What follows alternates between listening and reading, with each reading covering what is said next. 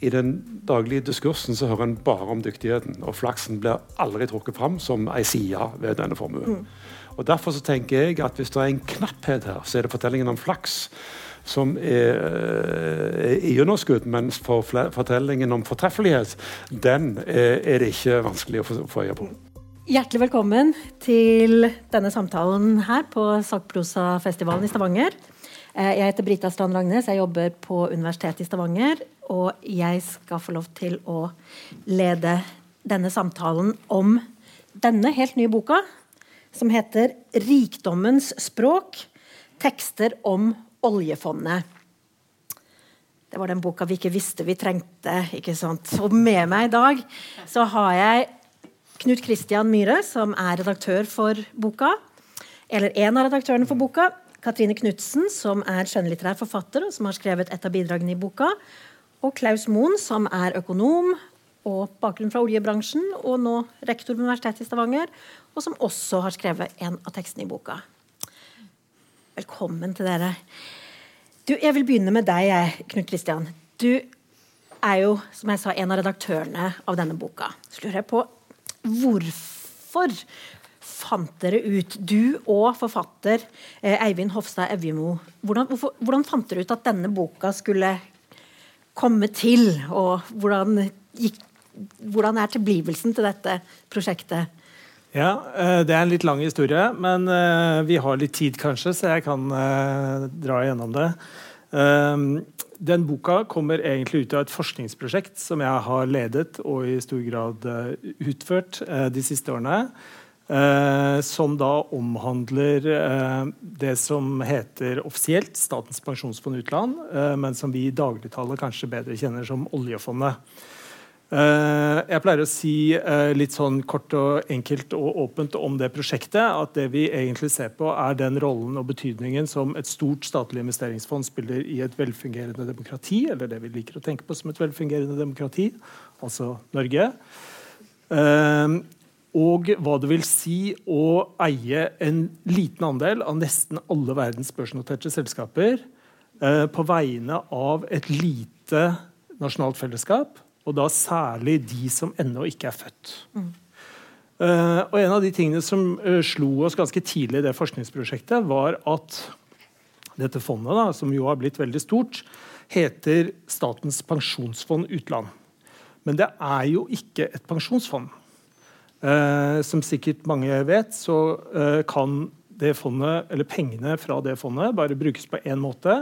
Og det er ved å dekke underskuddet på statsbudsjettet som vedtas av Stortinget hvert år. Og Det betyr at eh, fondet brukes ikke til å dekke pensjonsforpliktelser, men det brukes til å dekke en lik andel av alle statens utgifter, og dermed alle de sosiale forpliktelsene som det innebærer. Så det betyr, ikke sant, altså, og Fordi fondet har blitt veldig stort, så eh, blitt, så utgjør dette store beløp og egentlig eh, ganske stor del av statsbudsjettet. Ca. 20% har det vært da, i en del år nå. Og Det betyr ikke sant, at uh, eh, 20% av lønna til Klaus og lønna mi uh, og lønna di kommer fra uh, oljefondet. ikke sant, og Alle sykehusleger, den type ting. Det dekker en lik andel av utgifter til forsvar, forskning, høyere utdanning, helsetjenester Uh, og alle mulige trygdeytelser, inkludert da også offentlige pensjoner. Da. Så det vi lurte på var Hvorfor kaller vi dette et uh, pensjonsfond når det ikke er et pensjonsfond? og så tenkte vi kanskje vi ikke har et språk for å snakke om hva dette er. Og hva er det egentlig? ikke sant? Sånn dypest sett? Jo, det handler jo da om opparbeidelsen og forvaltningen og overførselen av store verdier mellom generasjoner. kan man si sånn. Enkel, enklest sett, kanskje. Uh, og i et uh, pensjonssystem sånn som det vi har, så er jo pensjon et begrep vi har for å snakke om det. Uh, men et annet begrep er jo arv. ikke sant? Og dette offentlige utvalget som utredet et etisk rammeverk for forvaltningen av fondet i sin tid, de begynte med å si at det hefter odel ved pengene i fondet. Det er jo et arverettsbegrep. ikke sant? Uh, men arv er allikevel kanskje litt sånn problematisk i et sosialdemokratisk, egalitært, mm. meritokratisk samfunn. Så kanskje ikke det egner seg helt. ikke sant? Så, så tenkte, tenkte, vi da kanskje vi skulle få noen forfattere til å hjelpe oss å utvikle et språk for å snakke om hva dette er. ikke sant? og da tenkte, vi, tenkte jeg egentlig primært først på skjønnlitterære forfattere. Men samtidig så er det jo også sånn at eh, språket, nei, unnskyld, fondet det er jo eh, opprettet ved lov. Det forvaltes gjennom en forskrift. Eh, eh, og det lages en årlig stortingsmelding om dette fondet, som er gjenstand for debatt og høring i Stortinget. Eh, så det er jo bundet opp i en masse språk. ikke sant? Mm. Eh, så da tenkte vi at eh, vi skulle få da forfattere til å hjelpe oss, på, å, hjelpe oss til å kaste lys på dette språket. Mm. Så det var egentlig utgangspunktet. Mm. Og du har jo også et annet utgangspunkt enn det økonomiske. altså Du er jo sosialantropolog og ser jo også alt dette litt fra utsida med et annet blikk ja. enn eh, enn det økonomiske. Eh, så har dere delt opp boka, eller dere har på en måte gitt forfatterne eller skribentene i oppdrag å skrive om hvert sitt begrep. Verdi, ressurs, ansvarlighet, eierskap, portefølje, generasjon og tid. Hvorfor er disse begrepene valgt ut? Ja, altså eh, Så når vi skulle lage denne boken, da, så skjønte jeg at skjønte jeg ganske fort at uh, hvis, særlig hvis vi skulle ha med litterære forfattere, så trengte jeg hjelp. ikke sant? Altså Jeg, jeg er ikke noe mer enn i beste fall en legperson når det gjelder norsk, det norske litterære landskapet. Uh, så jeg var på utkikk etter noen ikke sant, som kunne hjelpe meg. Og så kom jeg over en uh, bokanmeldelse av en bok som het 'Det felles eide', som kom for noen år siden. Uh, som fikk veldig god uh, kritikk. Bare tittelen liksom, uh, snakket, følte jeg, til dette fondet, da, som jo er eid i fellesskap. og der ble det trukket frem Det var jo en bok som handlet om noe helt annet. Det handlet om kunst i det offentlige rom, og som er eid av, den, av Oslo kommune. Men det ble trukket frem da både innledningen uh, og redaktørbidraget fra da, Eivind Hofstad Evjemo. ikke sant? Uh, og Så begynte jeg å titte litt på hvem denne personen var. og Så så jeg at han hadde jo i flere år eh, redigert 'Signaler', som er denne debutantsamlingen til Cappelen Dam. Så tenkte jeg dette er en person som kan hjelpe meg. ikke sant? Og Jeg leste 'Det felles eide' og tenkte at dette ligner egentlig en sånn bok som jeg kunne tenke meg å lage om oljefondet. Så tok jeg kontakt med Eivind, og Eivind ble veldig begeistret for eh, ideen. Og så begynte vi da å, å planlegge dette. da. Så mm. fant vi ganske fort ut at vi ville ha med både skjønnlitterære og sakprosaforfattere. Og så begynte vi å, å sette opp uh, navn da, på hvem vi kunne tenke oss å ha med. Mm. Og for å gi dette en form så tok vi utgangspunkt da i uh, begreper som jeg opplevde uh, var sentrale i fondets, eller fortellingen om fondet og fondets fremstilling av seg selv. Mm. Uh, så det er der de begrepene kommer fra. Da. Mm. Og det fikk jo du, da, Katrine og Klaus, dere fikk hvert deres begrep. Men altså, jeg har lyst til å spørre deg, altså, Katrine Knutsen, du har jo gitt ut en lang rekke skjønnlitterære utgivelser. Du, jo, du, gir ut på Pelikanen her i Stavanger, bare for å nevne det også. At det har en lokal tilknytning også her. Eh, men hvordan reagerte du da du fikk denne forespørselen om å bidra i en samling med tekster om oljefondet? Så det var jo Eivind, den andre redaktøren, da, som, som, først og fremst henvendte seg til meg. Og jeg sier jo alltid ja til ting han spør meg om. For han har ja, jeg, vært, jeg, kjente ikke Knut Kristian da, men har har også fått bekrefta at han, i likhet med Eivind, da, er veldig uh, gode personer å jobbe med. Og vet at uh, av Eivind har jeg fått mange uventa, eller ikke mange, men flere uventa forespørsler tidligere. Som er helt sånn yes, dette, ja, Jeg har bare sagt ja, og veit at det går bra på en eller annen måte. Så det følte jeg den gangen også. At jeg bare kasta meg ut i det. Spurte de deg pga. at her sitter du med tung kompetanse på oljefondet?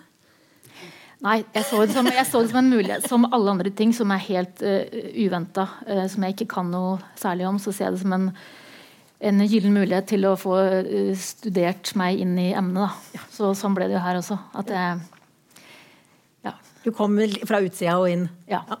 Mm. Klaus, du gjorde jo egentlig ikke det på samme måte. Ja, på, jo, men hva tenkte du? Altså, for det, eller jeg tenker, der gir det altså, Du er ikke et utenkelig navn. Ikke at Katrine heller er det, men altså, det er ikke sikkert, altså, du har jo bakgrunn fra oljebransjen sjøl, og du er økonom. Men hva tenkte du når du fikk forespørsel om å være med inn i dette prosjektet? Jeg tror jeg fikk litt av de samme følelsene som Katrine, men av en litt annen grunn. For jeg kom liksom litt fra andre kanten og hadde skrevet andre tekster i forkant. og det ble invitert på et sånt prosjekt sammen med skjønnlitterære forfattere og essayister osv. Det var jo noe annerledes enn jeg var vant til. Så Sånn sett så ble jeg paff over at man ville ha meg med på uh, noe sånt. Samtidig så, ja, og Det gjorde òg at jeg måtte gå noen runder med meg sjøl, for dette var i utkanten av min komfortsone, holdt jeg på å si. Men jeg valgte å benytte anledningen til å uh, være med på et prosjekt med denne spennende gjengen, og kanskje bruke det til å utvikle meg sjøl på skrivefeltet. rett og slett. Mm. Så, så, det var min bakgrunn for å bli med i dette. Ja. Mm. Og du fikk jo tildelt eierskap. Valgte du det, eller fikk du det? Nei, jeg mener jeg ble forespurt om jeg kunne tenke meg å skrive om det, og da sa jeg ja til det. Mm. det ja. Og der, har du jo en del, altså der går du jo inn og begynner å diskutere dette med hva eierskap til det som jo som du også var inne på, eller som du sa, Knut Kristian, Dette her oppfattes jo som felles felleseie. ikke sant? Mm. Men likevel, hvis vi skal begynne å tenke eierskap, hvordan, hvordan jobber vi oss inn i det med en såpass kompleks ting som det oljefondet er? Eh, ja, det er et veldig godt spørsmål. og Jeg eh, grep jo dette an på min måte innledningsvis. og var i det første redaksjonsmøtet for halvannet år siden. eller et eller annet sånt, og Da hadde jeg eh, et utkast med meg som uh, var nokså uferdig, men likevel et slags fullstendig utkast. og Der hadde jeg brukt mine økonombriller til å gå inn i dette på, og hadde en strukturert uh, framstilling som ikke helt var en vitenskapelig artikkel, men den var prega av min bakgrunn. Så, og jeg eh, ba innstendig til redaktørene og mine kolleger i, i gruppen om å gi meg tilbakemeldinger. Eh, og de tok oppgaven på alvor. Så jeg eh, måtte bruke en måned før jeg kom i gang med den revisjonen, men da Måtte vi løse litt opp, ja. Måtte det, ja. Ok. Ja, For dette her er jo Så det var veldig nyttig og lærerikt. For det er jo litt mer essayistisk enn vi Absolutt. kanskje er vant til å ja, ja. tenke økonomiartikler. det du har skrevet her. Det kunne sikkert vært enda mer essayistisk, holdt jeg på å si. Neste gang. Men, ja, ja. Men det handler jo om hvordan man får bruke, For meg så handler inngangen om hvordan man kan bruke språket i ulike interessegrupper i samfunnet til å skaffe, skaffe seg innflytelse over denne formuen. Mm. Til å skaffe seg råderett og disposisjonsrett over denne formuen. Hvis jeg får nevne et eksempel, så har vi at oljebransjen snakker om begreper som produksjon og verdiskaping. Og Det er noe som hører industrien til. og men dette blir jo ikke produsert. Det blir henta opp av bakken, disse verdiene. Det blir utvunnet. Og Det handler om å flytte penger fra et sted til et annet. Og, ikke, og, og En viktig del av dette er rett og slett en formuesforflytning. Men hvis du lykkes i å etablere begreper som produksjon og verdiskaping i forbindelse med dette, så kan man tro at uh, dette er noe vi har oppnådd fordi vi har vært flinke, og ikke fordi vi har vært flaks og på den atlaks. Og på den måten så skaffer man seg en råderett over og en flytelse over disse verdiene. Mm. som et eksempel. Men du diskuterer jo også dette som jo er en etablert diskurs allerede, i hvert fall innenfor altså skjønnlitteraturen, om olje, oljeutvinning og sånn. ikke sant? Dette med Er det flaks? Altså Hvis du f.eks. leser romanene til Arild Rein, de Stavanger-trilogien, ikke sant, så er karakterene hans snakker om at dette er lottopenger. Det, bruker egentlig, det begrepet bruker du også. Og på den andre sida så har du jo da en som f.eks. Aslak Sira Myhre, som da insisterer på at nei, dette er kompetanse, dette er hardt arbeid, dette her er noe vi skal være stolte av. Og det diskuterer du jo også, for det er jo et, et samvirke her ja. mellom flaks og god forvaltning. Ja. Eh, ja, jeg er helt enig i det samvirket. Og det er en kombinasjon av flaks og uh, dyktighet, holdt jeg på å si. Men i den daglige diskursen så hører en bare om dyktigheten. Og flaksen blir aldri trukket fram som ei side ved denne formuen. Mm. Og Derfor så tenker jeg at hvis det er en knapphet her, så er det fortellingen om flaks som er, er i underskudd, mens for fortellingen om fortreffelighet, den er, er, det ikke vanskelig å få, få øye på. Katrine, du har jo eh, altså ditt, ditt, Din inngang til dette eh, handler jo egentlig også da på et vis om dette med formue, om penger, om hvordan det oppstår, hva som skjer. Men, men du har jo skrevet et slags personlig essay med utgangspunkt i helt din egen erfaring med penger, og brukt det som inngang til oljefondet. Ja. ja, så Jeg visste jo egentlig med det samme jeg ble involvert i dette. da, og Vi hadde de første møtene på Teams. og jeg tror Ditt bidrag i sin første form var kanskje det første som forelå, egentlig, som jeg leste. Og jeg skjønte ganske tidlig at det, det, kom til å bli en lang vei gjennom dette her, da, før jeg kom ut med et stoff som kunne være mitt. Og det stemte jo. Så jeg kan si jeg har skrevet mange tekster jeg på veien til den teksten som ble eh, kan du mm. si, utvunnet her til slutt. da. Ja. Jeg er glad du sier mm. utvunnet. Det, jeg liker, liker det. Eh, men, men du, har jo, ut, altså, du har jo vokst opp med penger på den måten at du har vokst opp med en far som jobba i bank. Og så har du en helt fantastisk åpning på essayet ditt hvor du forteller om at du vant en konkurranse. Ja, Det er noe som jeg hadde egentlig ikke hadde tenkt på i det hele tatt på veldig mange år, før plutselig da dette nettopp dukka opp da, i arbeidet med teksten. Det er det som er litt spennende. at Når du får sånne oppdrag, så kan egentlig hva som helst uh, plutselig komme komme fram og kunne brukes. Ja, det er faktisk helt sant at jeg som uh, tiåring uh, Jeg vant ikke, men jeg kom på tredjeplass. Uh, med, jeg lagde en sang, da. Altså med Som het nå, 'Å, nå må vi spare', som var på melodien til Fola Blakken. Så den gikk omtrent sånn Nå sitter jo min gamle sanglærerinne her i salen, da, men dette var, sånn før, dette var litt utenom det. da, Så hun hadde ikke noe med den å gjøre. Men da var det sånn og nå må vi spare na, na, na, Så den sto jeg og framførte på i, i, Drammen. Ja. Mm. Var det liksom bare noe du kom på deg sjøl, eller hvem var det som utlyste denne konkurransen? Nei, det var jo da via den banken som faren min jobba i. Så fikk jeg jo da Fikk jeg på en eller annen måte litt hjelp av mamma, kanskje, ja. til å i hvert fall finne melodien. Kanskje litt i teksten, jeg husker ikke, men jeg lagde den vel stort sett sjøl. Mm. Det var i hvert fall jeg som sto der og, på scenen og sang den, og mm. mottok da denne her bankboka med penger på. Ikke sant? For det er noe som er en veldig interessant inngang til dette. For du, du, fikk jo ikke penger for en tiåring. Du fikk gullbok. Ja, så det var... For det var det beste. Så du fikk altså penger som en abstrakt størrelse. Ja. Ikke sant?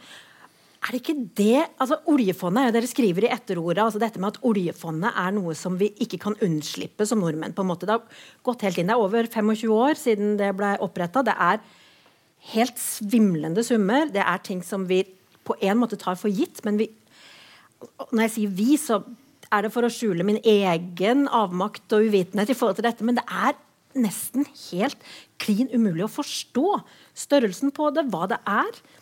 Og det er litt denne der følelsen av at det er jo ikke penger. Det er noe sånn abstrakt på en gullbok som vi har da vunnet, som du sier, fordi vi har hatt flaks. Hvordan, hvordan tenker du om dette her med oljefondet? eller hvordan, hvordan, nærmer man seg det? Hvor, hvor, stort er det nå? Jeg prøvde å gå ja, inn og sjekke. Nå er det vel uh, litt mindre enn det det var på et tidspunkt. Uh, 11 500 milliarder kroner omtrent, vil jeg tippe. Uh, det er det et par uker siden jeg sjekket sist. Men uh, det er jo altså Jeg så Yngve Slyngstad ble spurt av Dagens Næringsliv hvor mange nuller det var. Og da tror jeg de prøvde å skulle sjekke og se liksom, om han hadde kontroll på For det, det, det, er så stort ikke sant, at, at, jeg kunne ikke svart på det på stående fot. men han klarte det, da. Men så, så, det er noe veldig abstrakt ved det. ikke sant? Og I det ene kapitlet som handler om tid, så er jo Morten Søberg for så vidt inne på dette. ikke sant? Altså at Det som skjer i, ved, ved hjelp av fondet, da, det er jo at man Oljen, som er jo noe høyst materielt og fysisk og substansielt, eh, og som utvinnes gjennom ikke sant, eh, uh, stor teknikk og teknologi, uh, blir gjort om til noe abstrakt. ikke sant? Altså, vi om, det, altså det som er selve formålet med fondet, er jo det at man skal omplassere det er jo det Klaus var litt inne på, man skal omplassere en mineralformue i bakken til en finansformue som er plassert i utlandet. Mm. Uh, og noe av det som Morten Søberg er inne på i det kapittelet sitt om tid, så er det jo da at uh, ved at man gjør det, så uh, Man øker jo, hva skal man si Varigheten av Eller potensielt sett, da, varigheten av en ressurs som man bare kan utvinne én gang. Uh, og som man jo brenner opp. ikke sant? Uh, fordi man uh, investerer dette på en måte som det skal gi langvarig avkastning. Da.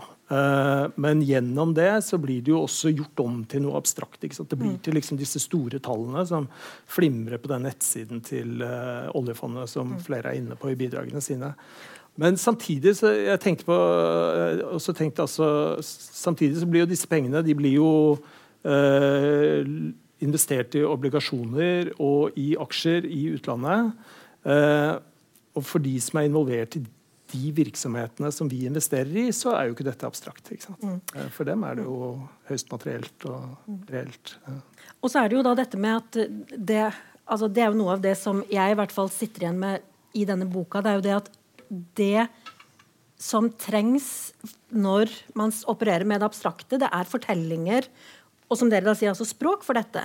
Og Det er jo noe av det du snakker om også, Klaus, i, ditt, uh, i, i uh, artikkelen din. Dette med uh, hvem er det som på en måte eier, eller har eierskap til fortellingen om oljefondet? Sånn som jeg leser deg. altså Dette med at vi går på en måte fra de som har en fortelling om seg selv som at de skapte formuen, til nå de som forvalter eller disponerer formuen. Mm.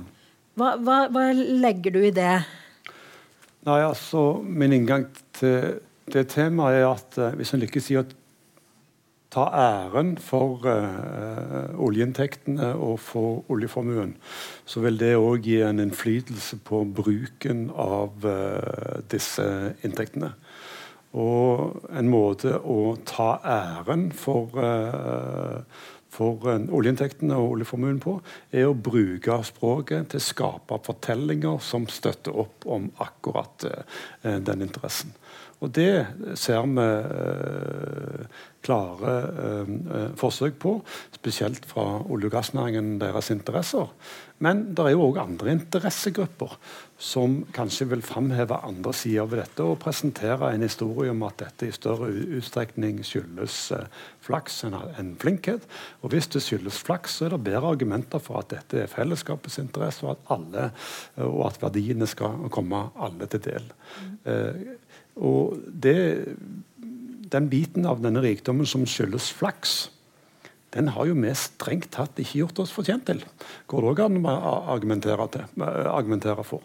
Og de som eh, bygger sånne historier, de vil kanskje òg argumentere for at vi burde dele med oss, og ikke bare med framtidige generasjoner av folk innenfor Norges grenser, men kanskje til og med med andre trengende andre steder i verden som ikke har blitt eh, denne flaksen og denne rikdommen til del. Så her er det ulike historier som gjør seg gjeldende, avhengig av hvordan man mener at uh, disse pengene bør forvaltes og disponeres. Mm.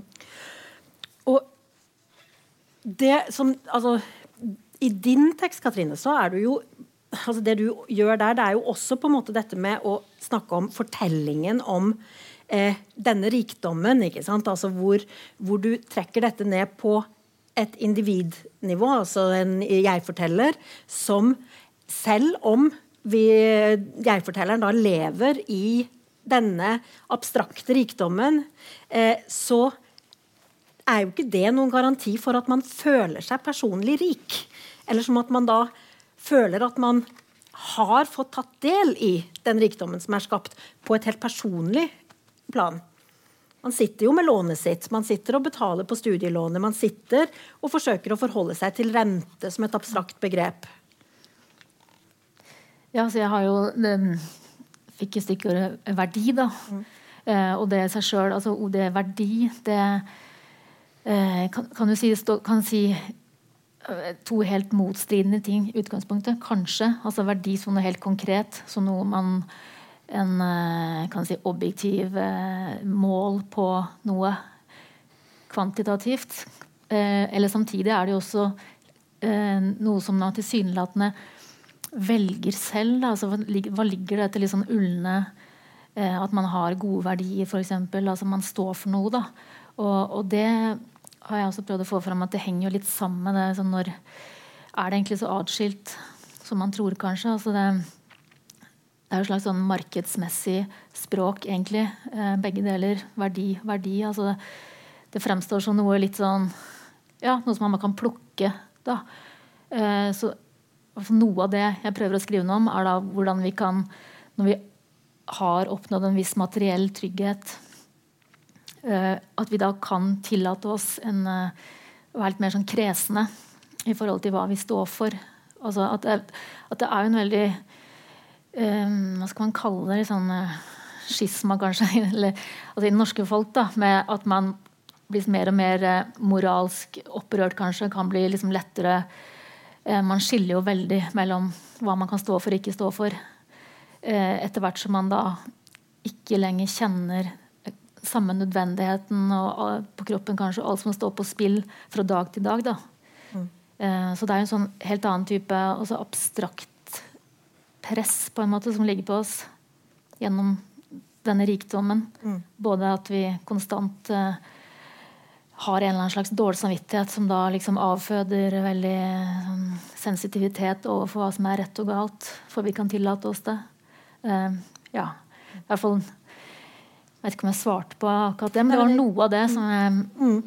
Men så har du også med dette med språk og uh, det har jo ikke så mye det å skape et språk egentlig, men det å prøve å snu litt om på språk. Det er jo det det ofte går, går i, at man må prøve å ta et hull på det. Så man, man vokser jo opp med et selvsagt språk rundt eh, ting som har med finans og penger og alt å gjøre. Og man, man vokser opp med at eh, f.eks. penger ja, Man er vant til at penger vokser. da, Vokser av seg selv. og det, det, Man bare nettopp setter penger inn på en gullbok eller i et fond, og så vokser disse pengene. Det er veldig absurd egentlig hvis du begynner å gå inn på det, at liksom, passiviteten er aktiv. Og det er noe som vi bare godtar. At noe bare kan vokse ved å være. Liksom. Det er jo imot alle eh, naturlover, egentlig. Altså det, det, er alltid en utveksling. Men vi blir forespeilt at vi, pengene bare står der, liksom. Eller altså nå investerer, investeres jo gjennom fond, men pengene kommer jo. Mm. De kommer fra et sted. Det tappes alltid fra et annet sted. Og det er det jeg prøvde å få fram litt i den teksten min, at det som i en periode av livet da, kan virke som eh, du profitterer veldig eh, på at pengene vokser, for det tas fra den andre noen andre steder. Så kan du komme i en annen fase hvor du plutselig er den som eh, fòrer de andres eh, fond, da, kan du si, med din eh, Å bli tynt på den måten. ja. Ja. For det er jo en veldig viktig del av hele denne diskursen. Det er jo dette med det moralske altså Du er jo f.eks. inne Klaus, på dette med at det er alltid konflikt rundt utnyttelse av naturressurser og kommersialisering av naturressurser. Du setter det inn i altså, Enten det nå er vannkraft eller, eh, eller skogsdrift eller hva det måtte være. Ja, hvem er det som har den retten til å gripe inn i naturen og utvinne disse ressursene i dag? Og det er spesielt problematisk for ressurser som ikke lar seg fornye. Hva er det som gir meg retten til å ta opp den oljen i dag, istedenfor barnebarnet mitt? Og når vi tar opp den oljen i dag, så tar vi fra våre barnebarn muligheten til å gjøre det samme. Sånn at eh, Vi griper sånn sett inn i eh, deres eh, mulighetsrom eh, ved å ta disse beslutningene som vi gjør, og vi tar de beslutningene, og, og ved å gjøre, disponere de inntektene sånn som vi gjør i dag. Men nå snakker du som om oljen skal tas opp. Enten av deg eller av barnebarna våre. Men det er det jo ikke alle som er enige i. Det er jo, som du sier, en ikke-fornybar ressurs, dette. Ja, ja, men det er heller ikke opplagt for meg. Så en mulighet når det gjelder ikke-fornybare ressurser, det er alltid å vente. Så hvorfor i all verden skal vi ikke vente? Og hvorfor haster det sånn med å få opp den oljen? Det er spørsmålet er det mulig å stille seg. Og da er det noen som bygger fortellinger i tråd med sine økonomiske interesser, hvis de har hastverk med å få opp uh, oljen. Og de som vil ha oljen venta, de bygger fortellinger til støtte for det formålet. Mm. Ellers har jeg lyst til å knytte en kommentar til dette med abstrakt og illusorisk osv. Jeg er ikke uenig i noe av det som er sagt, men jeg tenker at det, har blitt så mye penger og det har gått i et sånt tempo at vi har blitt litt blinde, fastblinde rett og slett eh, underveis for hva som egentlig foregår her. Og når vi har tolv med tolv nuller bak, eh, tror jeg det skal være, i formue på nærmere tolv med tolv nuller bak på formue i bok, så kan det virkes litt abstrakt. Men vi bruker altså 3% av disse pengene over statsbudsjettet hvert år over 300 milliarder. Og jeg kan love deg at Hvis de pengene ble tatt vekk over natten, så ville det kjennes som alt annet enn abstrakt.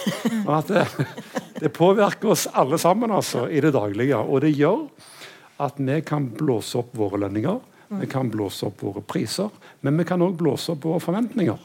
Og Når vi likevel da fortsatt kan føle at det er ting vi trenger, og at vi kan føle på misnøye, så er det kanskje fordi at uh, denne floa har hevd alle båtene. Og vi sammenligner oss med våre naboer og våre jevnaldrende og de som er naturlige sammenligner oss med. Og det som gjelder da, det er om vi har det bedre enn dårligere enn de, og ikke om vi har nok i utgangspunktet i absolutt forstand. Så det er relative forskjeller betyr her veldig mye. Og så er det jo en annen side ved denne eh, altså det, På en måte så er det jo veldig behagelig at dette er en abstrakt størrelse. Og det opplever jeg også at dere tar tak i, eh, Knut Kristian. Altså i denne, at, at blir tatt tak i denne boka. Dette med at når når Statens pensjonsfond utland, som du da sier at det kalles, når det oppleves som en abstrakt størrelse, så er det også lettere å på en måte ikke forholde seg til det nettopp som oljeinntekter. Eller at vi, vi eh, Det er jo en betydelig klimaside ved den mm. utvinningen også, som vi jo kanskje ikke alltid har lyst til å ta inn over oss som deleiere, medeiere og mottakere av disse pengene. Det går dere også, eller teksten også inn i? Ja, altså det er eh, Oljen har jo fått en annen karakter, ikke sant? Eh, tenker jeg. Eh, I hvert fall de siste ti årene, hvis ikke 20 årene. Eh, og det kan være litt lett å glemme, tror jeg. Altså det er klart Klimaendringene er et kjempestort problem, og kanskje den største utfordringen vi står overfor som Hva skal man si? Altså menneskeheten, da. Men uh, det, når, altså, det er lett å glemme at den gangen man begynte oljeutvinningen, så tenkte man jo på oljen som en moderniserende kraft for det norske samfunnet. Man snakket om uh, en av de tidlige stortingsmeldingene så snakket man om at man skulle bruke olje til å skape et kvalitativt bedre samfunn. Så Man tenkte jo på dette som en transformativ uh, kraft for det norske samfunnet. og Det har det jo absolutt vært. ikke sant? Men når vi ser tilbake på det nå, fra 2022, så uh, har jo oljen en helt annen fremtoning, da. ikke sant? Um, Eh, så det tror jeg er litt viktig kanskje å ha med. da. Samtidig så er det jo en av de tingene som også har slått meg, er jo det at vi snakker jo faktisk om oljepenger. Altså, Politikere og medier snakker jo hvert år om hvor, hvor mye oljepenger som blir brukt over statsbudsjettet. Mm. Men vi bruker jo ikke oljepenger eh, pga. fondet. Det vi bruker, er den finansielle avkastningen av et fond som har blitt stort, delvis fordi vi ikke bruker oljepenger. Mm. Og Det er også en viktig dimensjon å ha med når man tenker på denne rikdommen. Altså, denne rikdommen eh, altså, det, Den viktigste rollen som eh, fondet kanskje har, har, og har hatt, er jo nettopp å holde disse pengene vekk. ikke sant? Og, og gjøre de utilgjengelige. Eh, og Det er noe av den grunnen til at vi ikke føler oss selv kanskje som eh, rike sant, i kraft av dette. Mm. Fordi, eh, og særlig byråkratene i Finansdepartementet da, har jo vært veldig opptatt av å bremse sant, og holde igjen på den bruken. Mm. Uh, nettopp uh, av hensyn til uh, den, altså økonomien mm. utover oljebransjen. Mm. Og så er det jo også noe med dette med Det, det, det er jo noe du er inne på i, i teksten din, Katrine. Dette med forskjellen mellom det som oppleves som mer privat og raust, altså gjennom banken til faren din, og det som den på en måte gjerrigheten som du beskriver i det offentlige. fordi at vi, vi, har jo du sier også i din, altså, de, Disse inntektene fordrer ansvarlighet, etterrettelighet. ikke sant? Og som samfunn, som offentlighet, så skal vi være veldig ansvarlige med det vi, eh, med det vi forvalter. Og det har jo du på en måte, viser jo du nærmest gjennom foreldrene dine og opplevelsen din av den ja, dette var, dette var noe som jeg eh, nettopp eh, liksom, jeg hadde en veldig sterk intuisjon av da jeg vokste opp. Nettopp med en mor som jobba i det offentlige, og en far i bank. At det var to helt forskjellige verdener. Den, eh, det jeg beskriver en slags sånn gavmildhet, sjenerøsitet i banken. Da var liksom alt var smørt tjukkere på. Juletrefestene var bedre. Det var Donald-filmer. Det var alltid bedre utkledd julenisse, større godteposer. Masse sånne merch som vi fikk liksom forsyna av, med bankens logo. Mens i det offentlige, der var det veldig strengt. Det var sånn Der kunne man ikke ta en blyant. Der um, var alt liksom måtte gjøres rede for. Der var, jeg, der var liksom en krone en krone. Men uh, i banken, der var det sånn Fikk alltid følelsen at pengene de var alltid noe mer, da.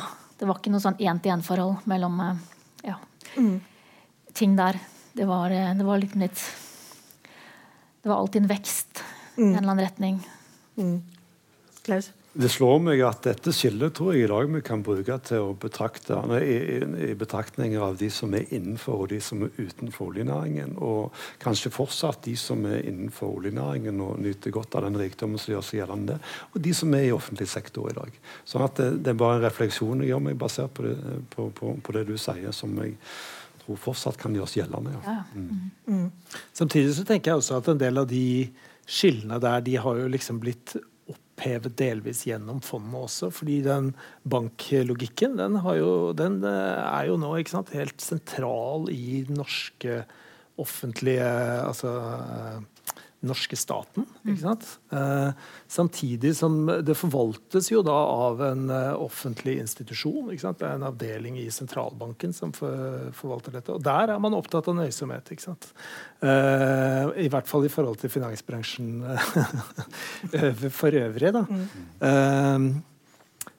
Så, så det er man, de, de, skillene som du Eller hva skal man si, de kontrastene da, som du beskriver veldig godt i din tekst, for, som du har opplevd i ditt liv, de, de, eh, de, blir liksom vridd på og kommer opp igjen i nye manifestasjoner. Da, tenker jeg. Mm.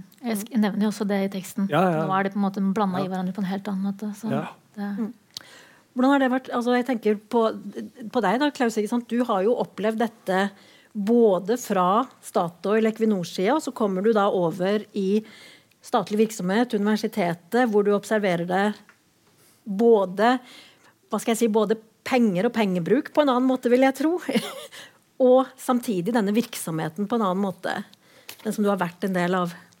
Ja, altså En ting er lønnsnivået. Jeg skal ikke klage verken på lønna her eller i Statoil den gangen, men det er klart at uh, det statlige kan jo ikke betale i nærheten av de lønningene som folk får i olje- og gassnæringen. Det er bare helt opplagt. Så det er veldig store inntektsforskjeller. Men det som kanskje er mer påtagelig, syns jeg, eh, det er jo rikdommen i organisasjonen, som mm. du har vært innom, med juletrefestene. Det, det, det er bare, når du jobber i en organisasjon som Equinor i dag, eller i Statoil, det er bare så lett å få ting til. og Ting kommer til deg, og IT-ressurser og utstyr og hva det er. altså, Lokaler. og Hvis det skal skje ting, så går det fortere, raskere, mer effektivt. Du bare merker rikdommen i organisasjonen på den måten. Så det, det strekker seg langt utover lommebøkene til, til, til, den enkelte som arbeider der. altså for det er mye som uh, i, i, offentlige organisasjoner som uh, er mye mer krevende å få til enn uh, i den type organisasjoner som oljeselskapene representerer. Mm. Denne tittelen, mm. 'Rikdommens språk' altså, ofte, altså det, det, det, er jo en interessant tittel, fordi det, det, skal jo både være et språk for den rikdommen vi har, mm. og så gir det jo også signaler om at det skal være en språklig rikdom mm. i disse tekstene. Og det er jo, snakker dere om eh, eksplisitt også, at man trenger språklig rikdom. Altså, hvorfor gjør vi det? Hvorfor skal vi, hvorfor skal vi snakke om oljefondet? Hvorfor skal vi bruke utvikle språket for å gjøre dette? Og hvem skal gjøre det? Hvem gjør vi det for? Ja, altså Jeg tenker at vi bør snakke om uh, oljefondet kanskje mer enn det vi gjør. Uh, fordi uh, det har blitt så stort og så viktig. og det gjelder ikke bare i norske liv. Altså, det har jo blitt en sånn slags infrastruktur for liv som leves uh, i Norge, og for de livene som Altså alle som alle, man, man, må jo ikke være norsk. altså Alle som uh, nyter godt av tjenester som er finansiert over statsbudsjettet, de uh, nyter jo godt av dette her. ikke sant? og det er 20% det er en, en, stor andel. Samtidig så har fondet også blitt en veldig stor internasjonal aktør. ikke sant? Det er verdens største eneaksjonær. Uh, så det har en enorm betydning eh, i verdensøkonomien.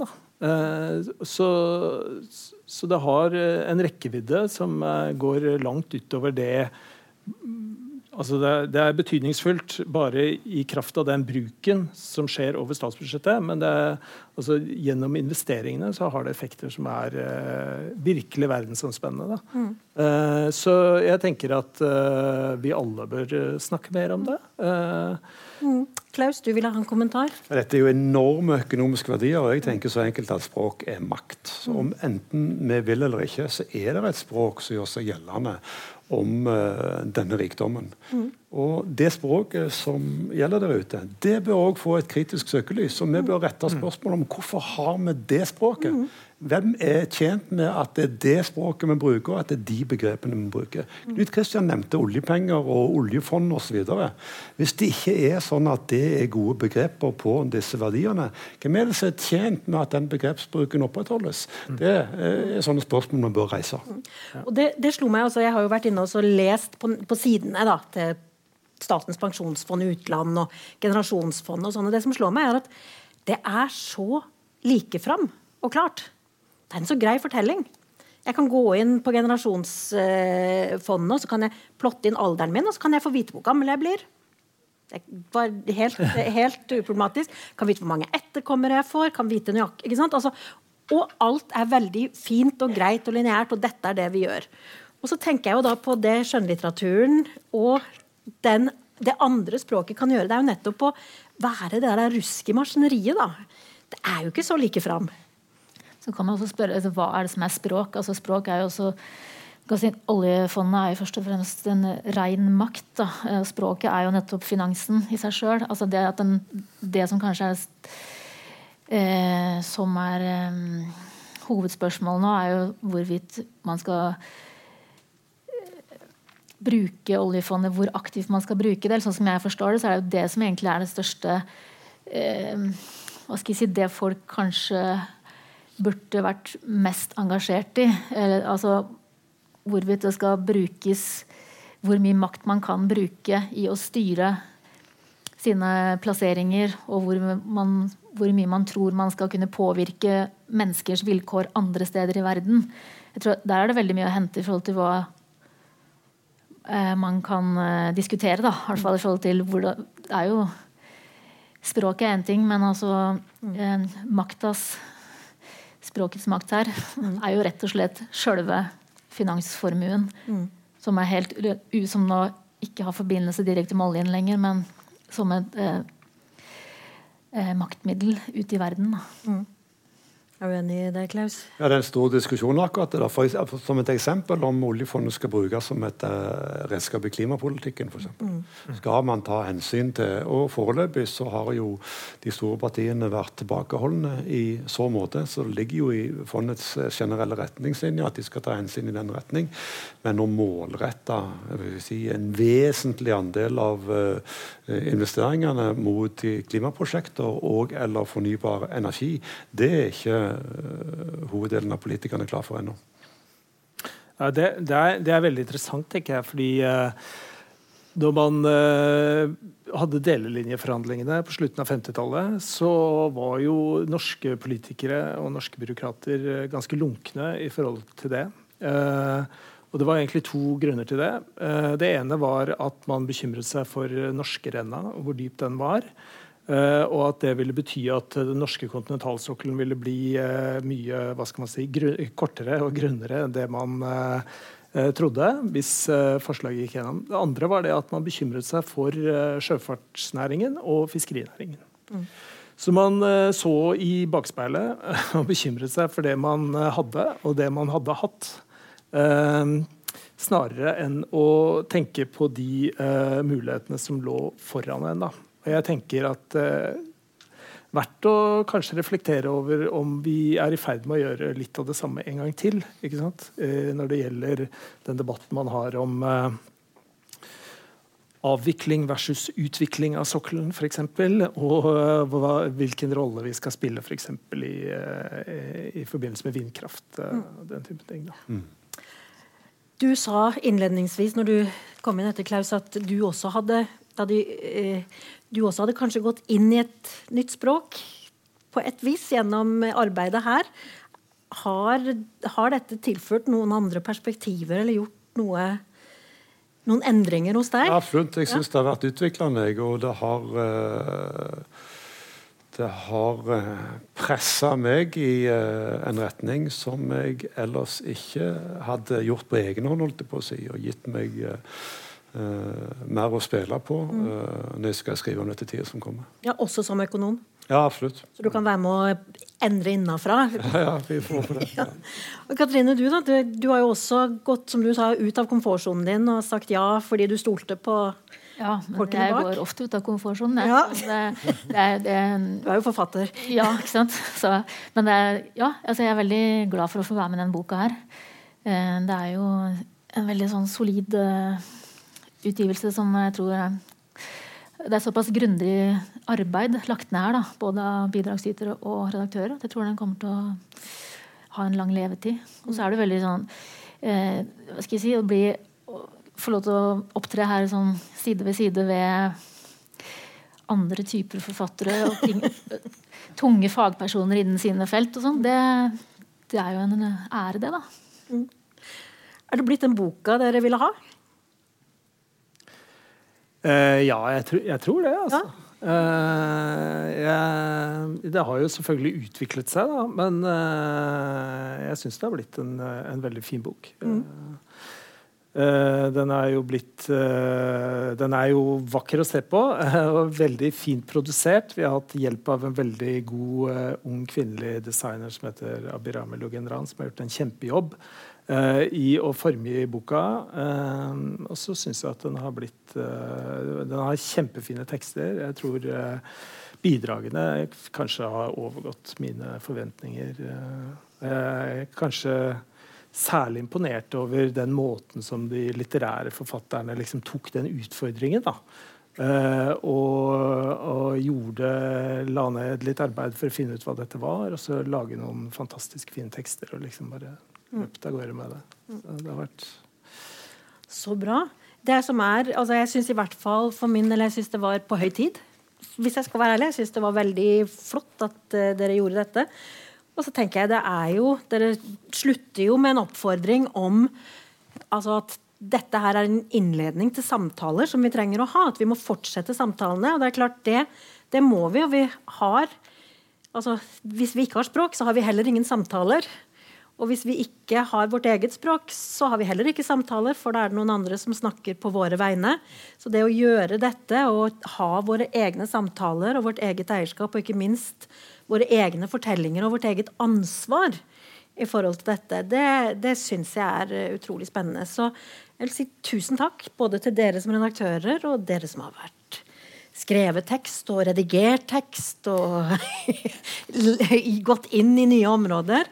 Og så håper jeg at vi får mange gode samtaler rundt disse tingene med utgangspunkt i disse tekstene, og at vi fortsetter å snakke om det. Mm. Tusen takk til dere som kom. Og så må dere ha en fortsatt fin festival.